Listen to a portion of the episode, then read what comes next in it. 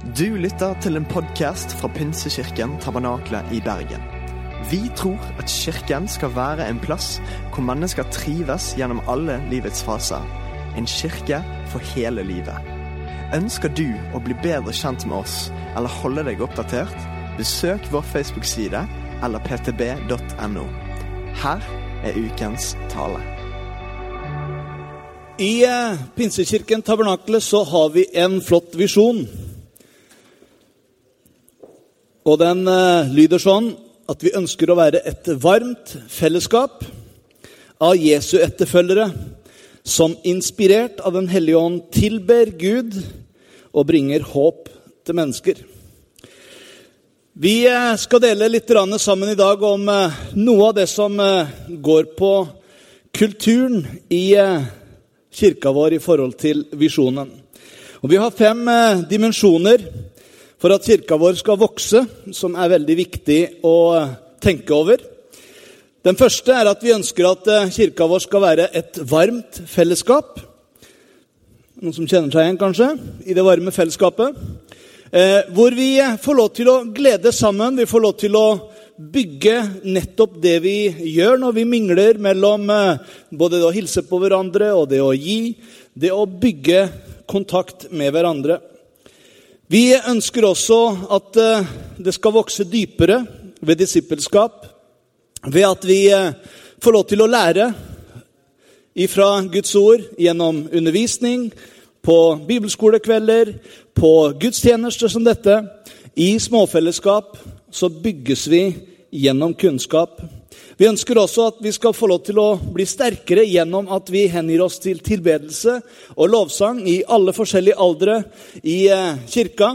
Så ønsker vi at tilbedelse og lovprisning skal være en viktig del. Og Vi ønsker også å vokse bredere i forhold til tjenestegaver. At alle skal få lov til å komme inn og oppleve at de får lov til å være med å tjene og gi seg til fellesskapet. Og Det er litt dette vi skal snakke konkret om i dag. Den siste av dem tar jeg også med. Vi ønsker å vokse større ved at evangeliet brer seg ut gjennom at du og jeg deler evangeliet. Enten eh, det er med lokal misjon eller eh, misjon lenger ut i andre land. Og gjennom evangelisering også i lokalmiljøet. Jeg håper du vil være med å bygge denne kirken, Pinsekirken Tabernakle, til å bli nettopp disse tingene. I dag skal vi snakke litt om eh, en disippel som en tjener.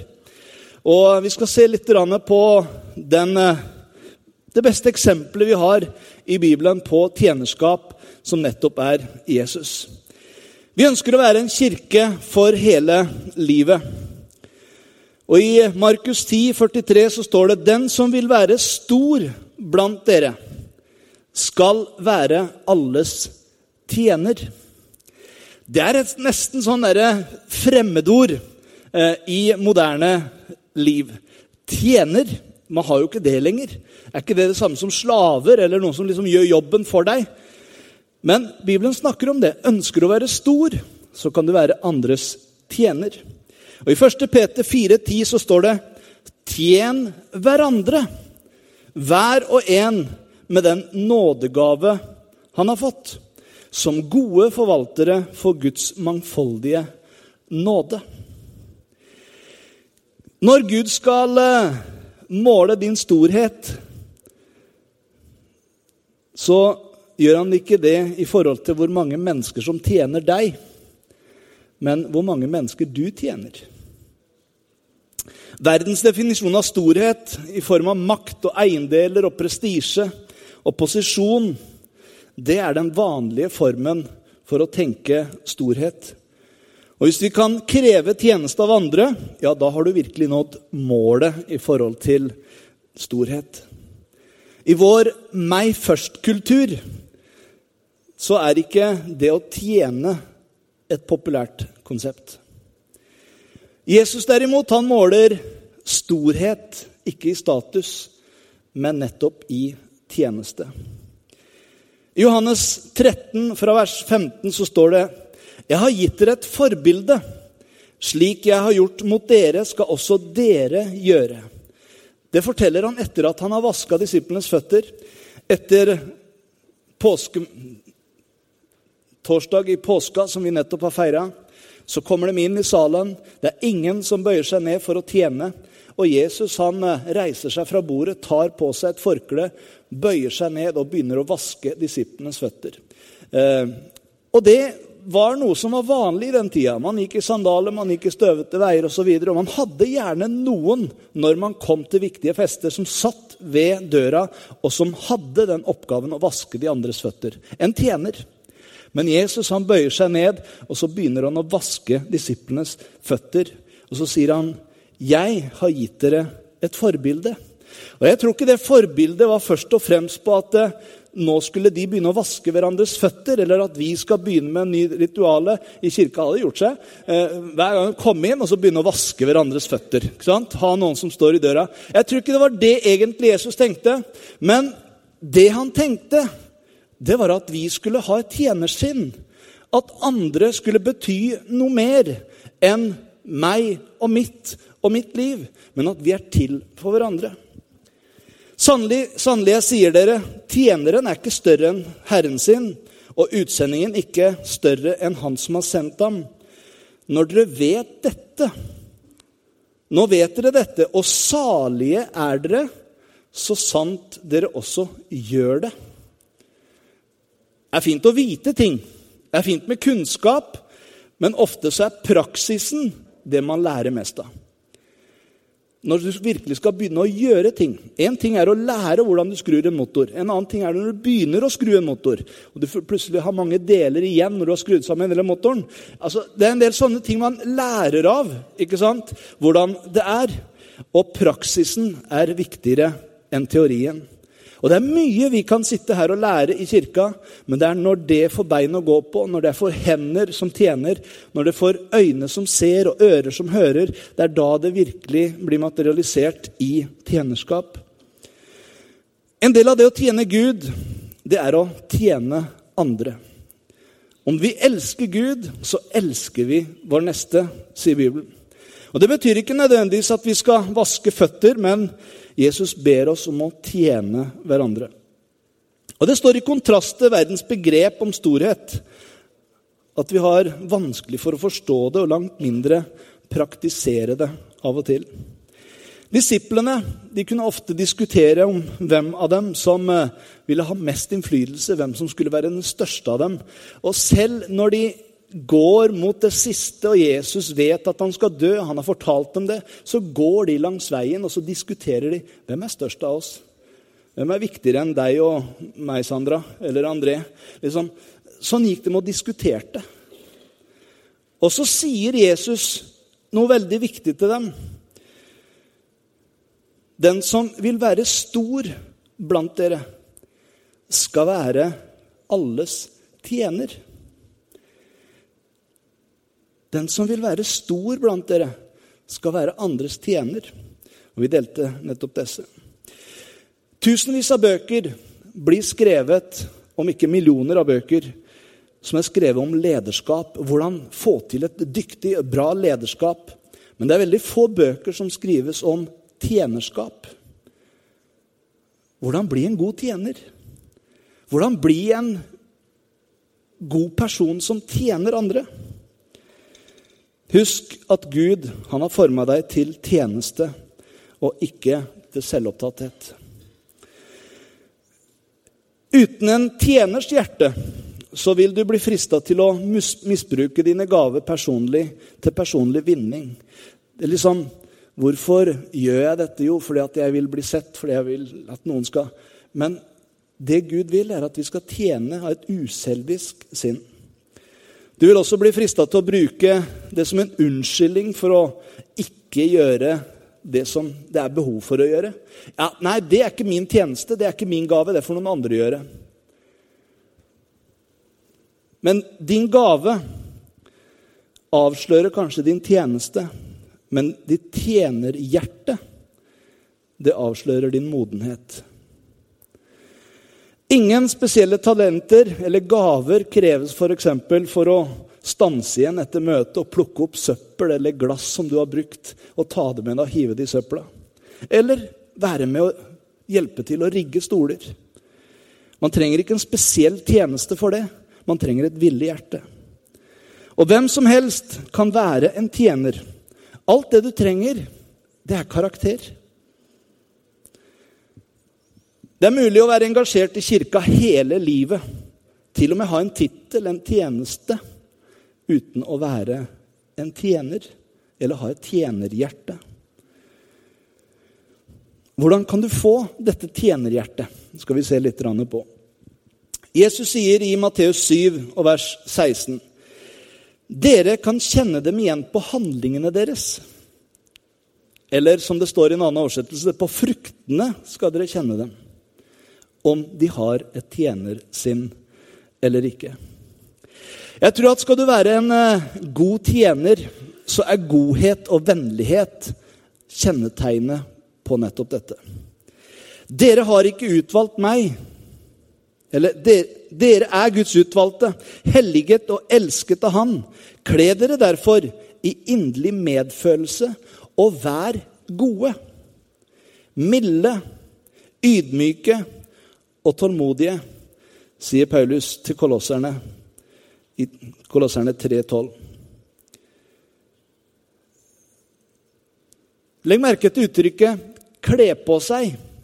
Når du eh, sto opp til morgenen i dag, så eh, vet jeg ikke hvor lenge du sto foran eh, skapet og lurte på hvilke klær skal jeg ta på meg i dag. Hvilke klesplagg passer liksom best?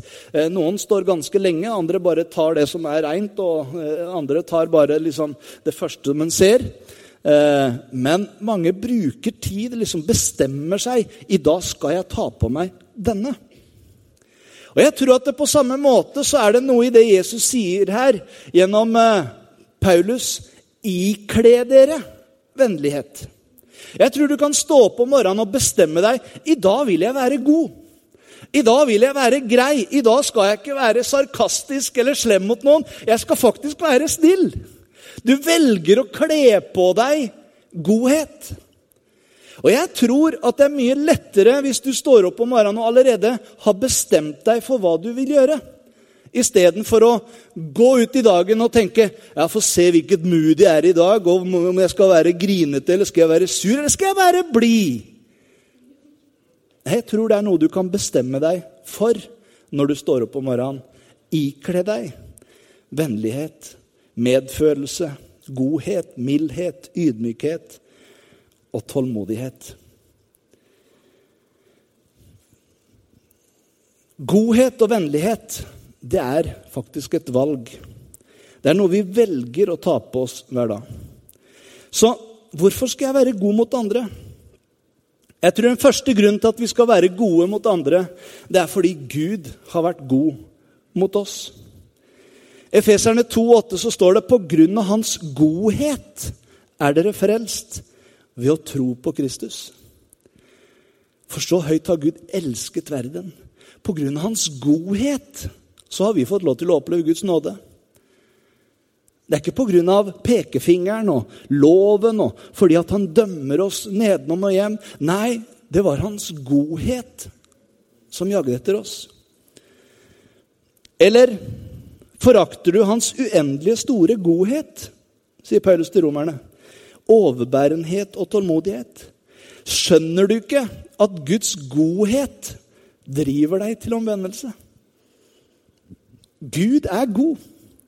Og derfor så legger han i oss også et ønske om å være gode. Og vi får lov til å være det fordi at han er god.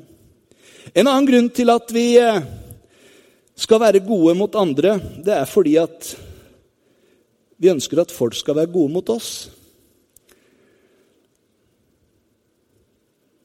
Har du hørt om den gylne regel? I Bibelen så står det om den. Alt dere vil at andre skal gjøre mot dere, skal også dere gjøre mot dem. For dette er loven og profetene i en sum. Jeg skal ikke ta loven og profetene for deg, for da holder vi på her til eh, resten av neste uke. Det er masse lover og bud og regler og profeter. Det er alle profetier og alt det som er sagt om Kristus. holdt på å si fra A til Å. Alle de lovene og profetene, sier Jesus, er sammenfatta i dette. at det du vil at andre skal gjøre mot deg, skal du gjøre mot dem. Det er en enkel ideologi. Holdt på å si det er en enkel teologi. Og den sammenfattes i dette med å elske Gud og elske mennesker. Hvis du ikke er vennlig mot andre, vil sannsynligvis heller ikke de være det mot deg. Hvis du er en skikkelig sånn pøbel, som vi sier på Østlandet, altså liksom bare er ute og skal gjøre vondt mot andre, så må du regne med at det du sår, det høster du. Men hvis du legger vind på å være vennlig, være god, være hjelpsom mot andre, så skaper det en effekt i mennesker, så de får lov til å være snille med deg igjen også. Vet ikke om du har gitt en is til noen en gang. Det er veldig sånn Det går ikke lang tid før liksom, de har vært og kjøpt sjokolade. Ja, du har en sjokolade, ikke sant? Det blir en sånn derre Fordi du har opplevd godhet, så vil du være god tilbake. Det er noe i nettopp dette. Og det er noe av dette som Jesus levde og praktiserte og underviste. Og En av de mest kjente historiene som Jesus forteller, er historien om den barmhjertige samaritan. I Lukas 10, fra vers 25, så leser vi på skjermen Da sto en lovkyndig fram og ville sette Jesus på prøve. 'Mester', sa han, 'hva skal jeg gjøre for å arve evig liv?' 'Hva står det skrevet i loven', sa Jesus. 'Hvordan leser du?' Han svarte, 'Du skal elske Herren din Gud av hele ditt hjerte og hele din sjel og all din kraft og all din forstand, og din neste som deg selv.' Da sa Jesus, 'Du svarte rett. Gjør det, så skal du leve.' Men han ville rettferdiggjøre seg selv og spurte, 'Ja, men hvem er min neste, da?' Og da tok Jesus dette opp og sa, nå kommer ikke det på skjermen, men jeg har lyst til å lese historien for deg, så lytt til det jeg forteller nå. Dette er historien Jesus fortalte ham. En mann var på vei fra Jerusalem ned til Jeriko. Da falt han i hendene på røvere. De rev klærne av ham, skamslo han og lot han ligge der halvdød. Nå traff det seg slik at uh, pastor Benjamin kom forbi på veien. Her står ikke det, men står en prest. Uh, han så ham, men gikk utenom og forbi. Det samme gjorde Martin. Nei da. Levitten. En lovsangsleder, eller jeg bare For at du skal forstå sammenhengen her. Han kom så mannen og gikk rett forbi. Men en samaritan som var på reise, kom også dit hvor han lå. Samaritaner, altså palestinere, jøder. Kan du se for deg litt det samme scenarioet? En palestiner hjelper en jøde som har falt blant røvere. Fikk han inderlig medfølelse med han? Han gikk bort til ham, helte olje og vin på sårene hans og forbandt ham. Så løftet han mannen opp på eselet sitt og tok ham med til et herberge og pleiet ham. Neste morgen tok han fram to denarer, ca. to dagslønninger, ga det til verten og sa, 'Sørg godt for han, og må du legge ut mer, skal jeg betale det når jeg kommer tilbake.' Hvem av disse tre synes du viste seg som en neste for han som ble overfalt av røvere? Han svarte, 'Den som viste barmhjertighet mot ham.' Da sa Jesus, 'Gå du og gjør som han'. For en lekse. Hvem var det som viste omsorg? Jo, den som praktiserte det. Jeg er sikker på at både presten og levitten de hadde kunnskapen om hva de burde gjøre. Men kanskje det var stress, kanskje de var på vei til gudstjeneste, kanskje de måtte rekke noe. Lovene sa at man skulle jo ikke ta på blod og sånne ting også. Da kunne man bli urene. Kanskje tusen grunner for at de ikke stoppa opp og hjalp. Men det var én som stoppa opp og fikk medynk og viste godhet og hjalp ham på vei. Poenget at Jesus, med at Jesus fortalte denne historien, var for å minne oss at det fins de rundt oss som trenger oss.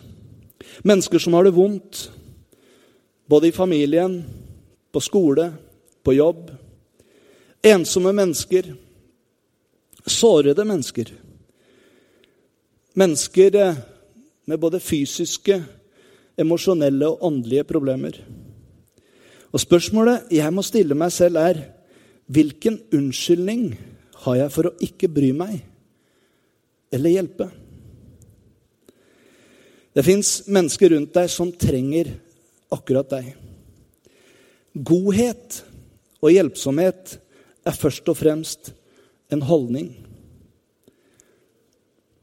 Så hvordan vise godhet og hjelpsomhet?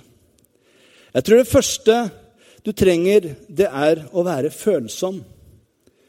Være følsom for andres behov. For det første så er gode mennesker følsomme overfor andre. De oppfatter behovene til menneskene rundt seg. Og vennlighet starter alltid med medfølelse. Filipperne 2,4 så står det ingen av dere må bare trakte etter det som er til det beste for en selv, men også etter det som gagner andre. Hva er det andre trenger?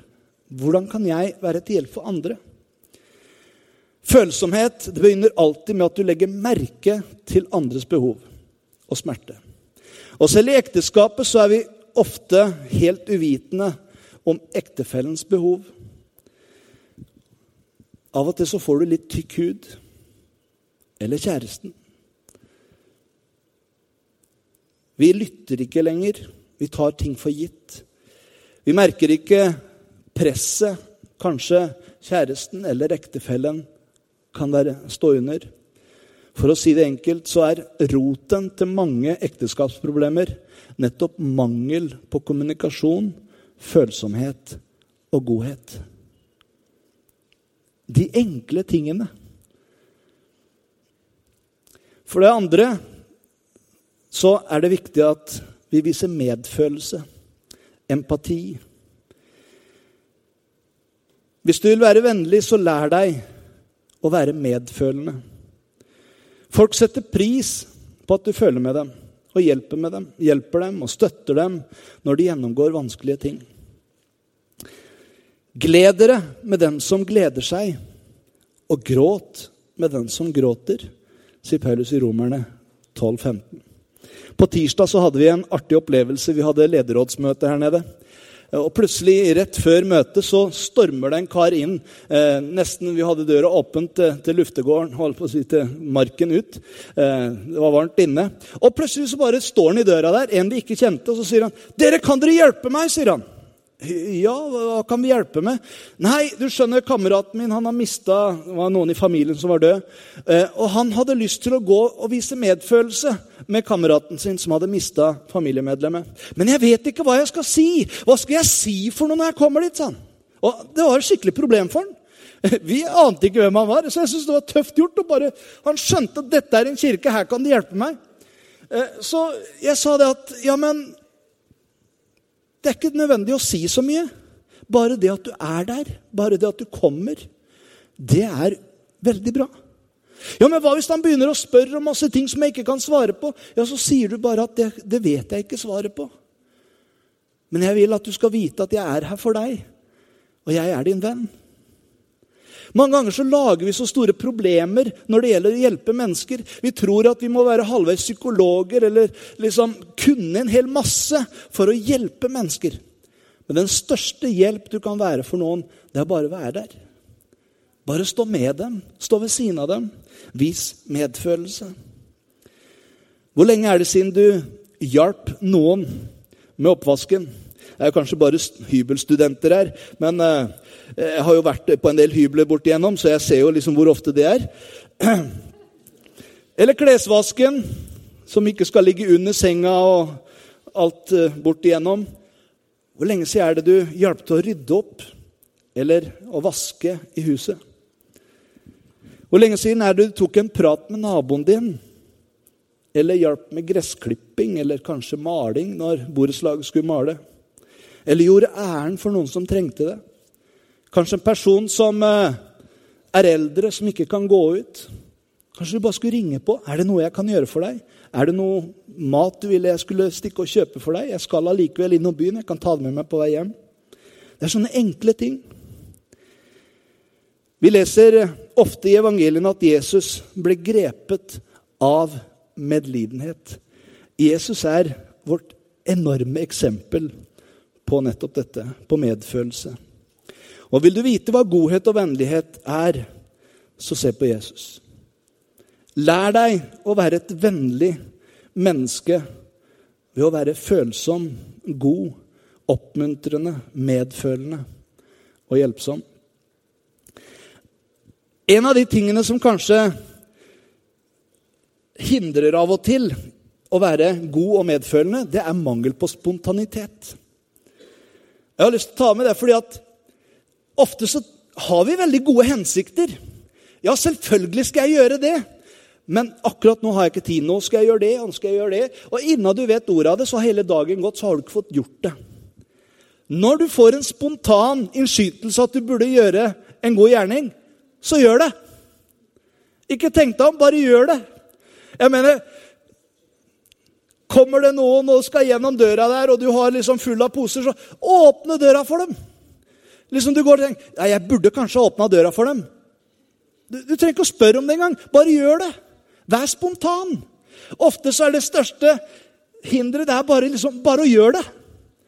Vær litt spontan i forhold til det å vise godhet. Mens vi har anledning, sier Paulus til galaterne, la oss gjøre det gode mot alle. Og særlig mot den som er troens folk. Jeg har lenge lurt på hvorfor, hvorfor måtte han liksom skrive Er ikke det litt sånn derre ja, Mest for de kristne, mest for de som er i kjerka di. Hvorfor sier han det? Jeg tror nettopp det handler om litt det som Jesus sier. Elsk hverandre, for når verden ser at dere elsker hverandre, så vil de skjønne og tro at jeg er sendt fra Gud. Ja, tror jeg er så enkelt som det. Så når vi tjener hverandre, når vi får det til å tjene hverandre ved forskjellige tjenester, og det er folk som kommer i, og som får dere til å gjøre alt det dere gjør Nei, det er bare 150 frivillige som står på og gjør tingene. Wow, sier de da. Det er et vitnesbyrd for folk ute. Men av og til så trenger vi å være litt spontane på å gjøre det. Send noen ord oppmuntringsord til noen. Inviter på en kopp kaffe eller en middag. Sett deg opp, ring til et ektepar som kanskje har to-tre barn som liksom er opp og ned og overalt. og Ring, og så sier vi vet du hva? Vi har snakka litt om det. Har dere lyst til å ha en date på lørdag? Vi kommer og passer barna deres. Jeg mener, André han bare stiller seg i køen her med en gang. Eller en tjeneste i kirka. Jeg mener, Du trenger ikke å vente så lenge. Det er lapper bak på bordet der. Du kan bare skrive navnet ditt. 'Jeg ønsker å være med i en tjeneste.' Så bare gjør det. Hva som helst. Bare vær god og vær vennlig når du har anledning til det. Det siste gi av din tid. Tjeneste, hjerte. Godhet og hjelpsomhetens verste fiende er travelhet. Hvor ofte sier ikke jeg eller vi 'Jeg har det altfor travelt. Jeg har ikke tid til å engasjere meg.' 'Jeg må tenke på mine egne prioriteringer først.' Eller mitt eget program. 'Jeg har det for travelt til å hjelpe den syke naboen.' Jeg har det for travelt til å være barnevakt. Jeg har det for travelt til å hjelpe til i menigheten. Jeg har det for travelt, jeg har ikke tid. Er det svaret vårt? Lær oss å telle våre dager, sier Salme 90, så vi kan finne visdom i hjertet. Det å telle dagene jeg tror jeg handler om å planlegge. Det handler om å ikke putte så mye inn i min agenda, så jeg har mulighet til å være god. Så jeg har mulighet til å prioritere noen som kanskje er nye, som ikke har kommet inn i gruppa enda. Vi må gjøre noe sammen. Kanskje vi skal dra og spille bowling i dag, eller ta med neste uke og gjøre et eller annet. Og så på den måten så bygger vi relasjoner. Jesus han sa det at så lenge det er dag, så må vi gjøre hans gjerninger som har sendt meg. Det kommer en natt da ingen kan arbeide. En dag det er for sent. Så lenge jeg er i verden, så er jeg verdens lys, sa Jesus. Ikke lenge etterpå så sier han til disiplene når han snakker med dem, dere er verdens lys. En by som ligger på et fjell, kan ikke skjules. Og det kan ikke livet ditt heller. Hvis du lever i lyset, hvis du er god, hvis du gjør ting. Eller hvis du gjør dårlige ting, for den saks skyld. Altså, Folk ser det. Så hva velger du at de skal se i deg? Det mørke eller lyset? Gud vil at du skal være lys. Og det lyset kan du få lov til å oppleve gjennom fellesskap med Han og det å vise godhet til mennesker. Husk at det å være god og hjelpsom, det tjener Det gjelder alle. Det gjelder også deg. Godhet, det smitter. Og hvis du eh, starter med å være god, så vil det gjøre at andre rundt deg også får lyst til å være gode. I eh, Pinsekirken Tabernakle så eh, ønsker vi å være en kirke for hele livet. Fra man er spedbarn til man blir gammel og holdt på å si fra krybbe til grav. Så ønsker vi at folk skal finne seg til rette i kirka vår.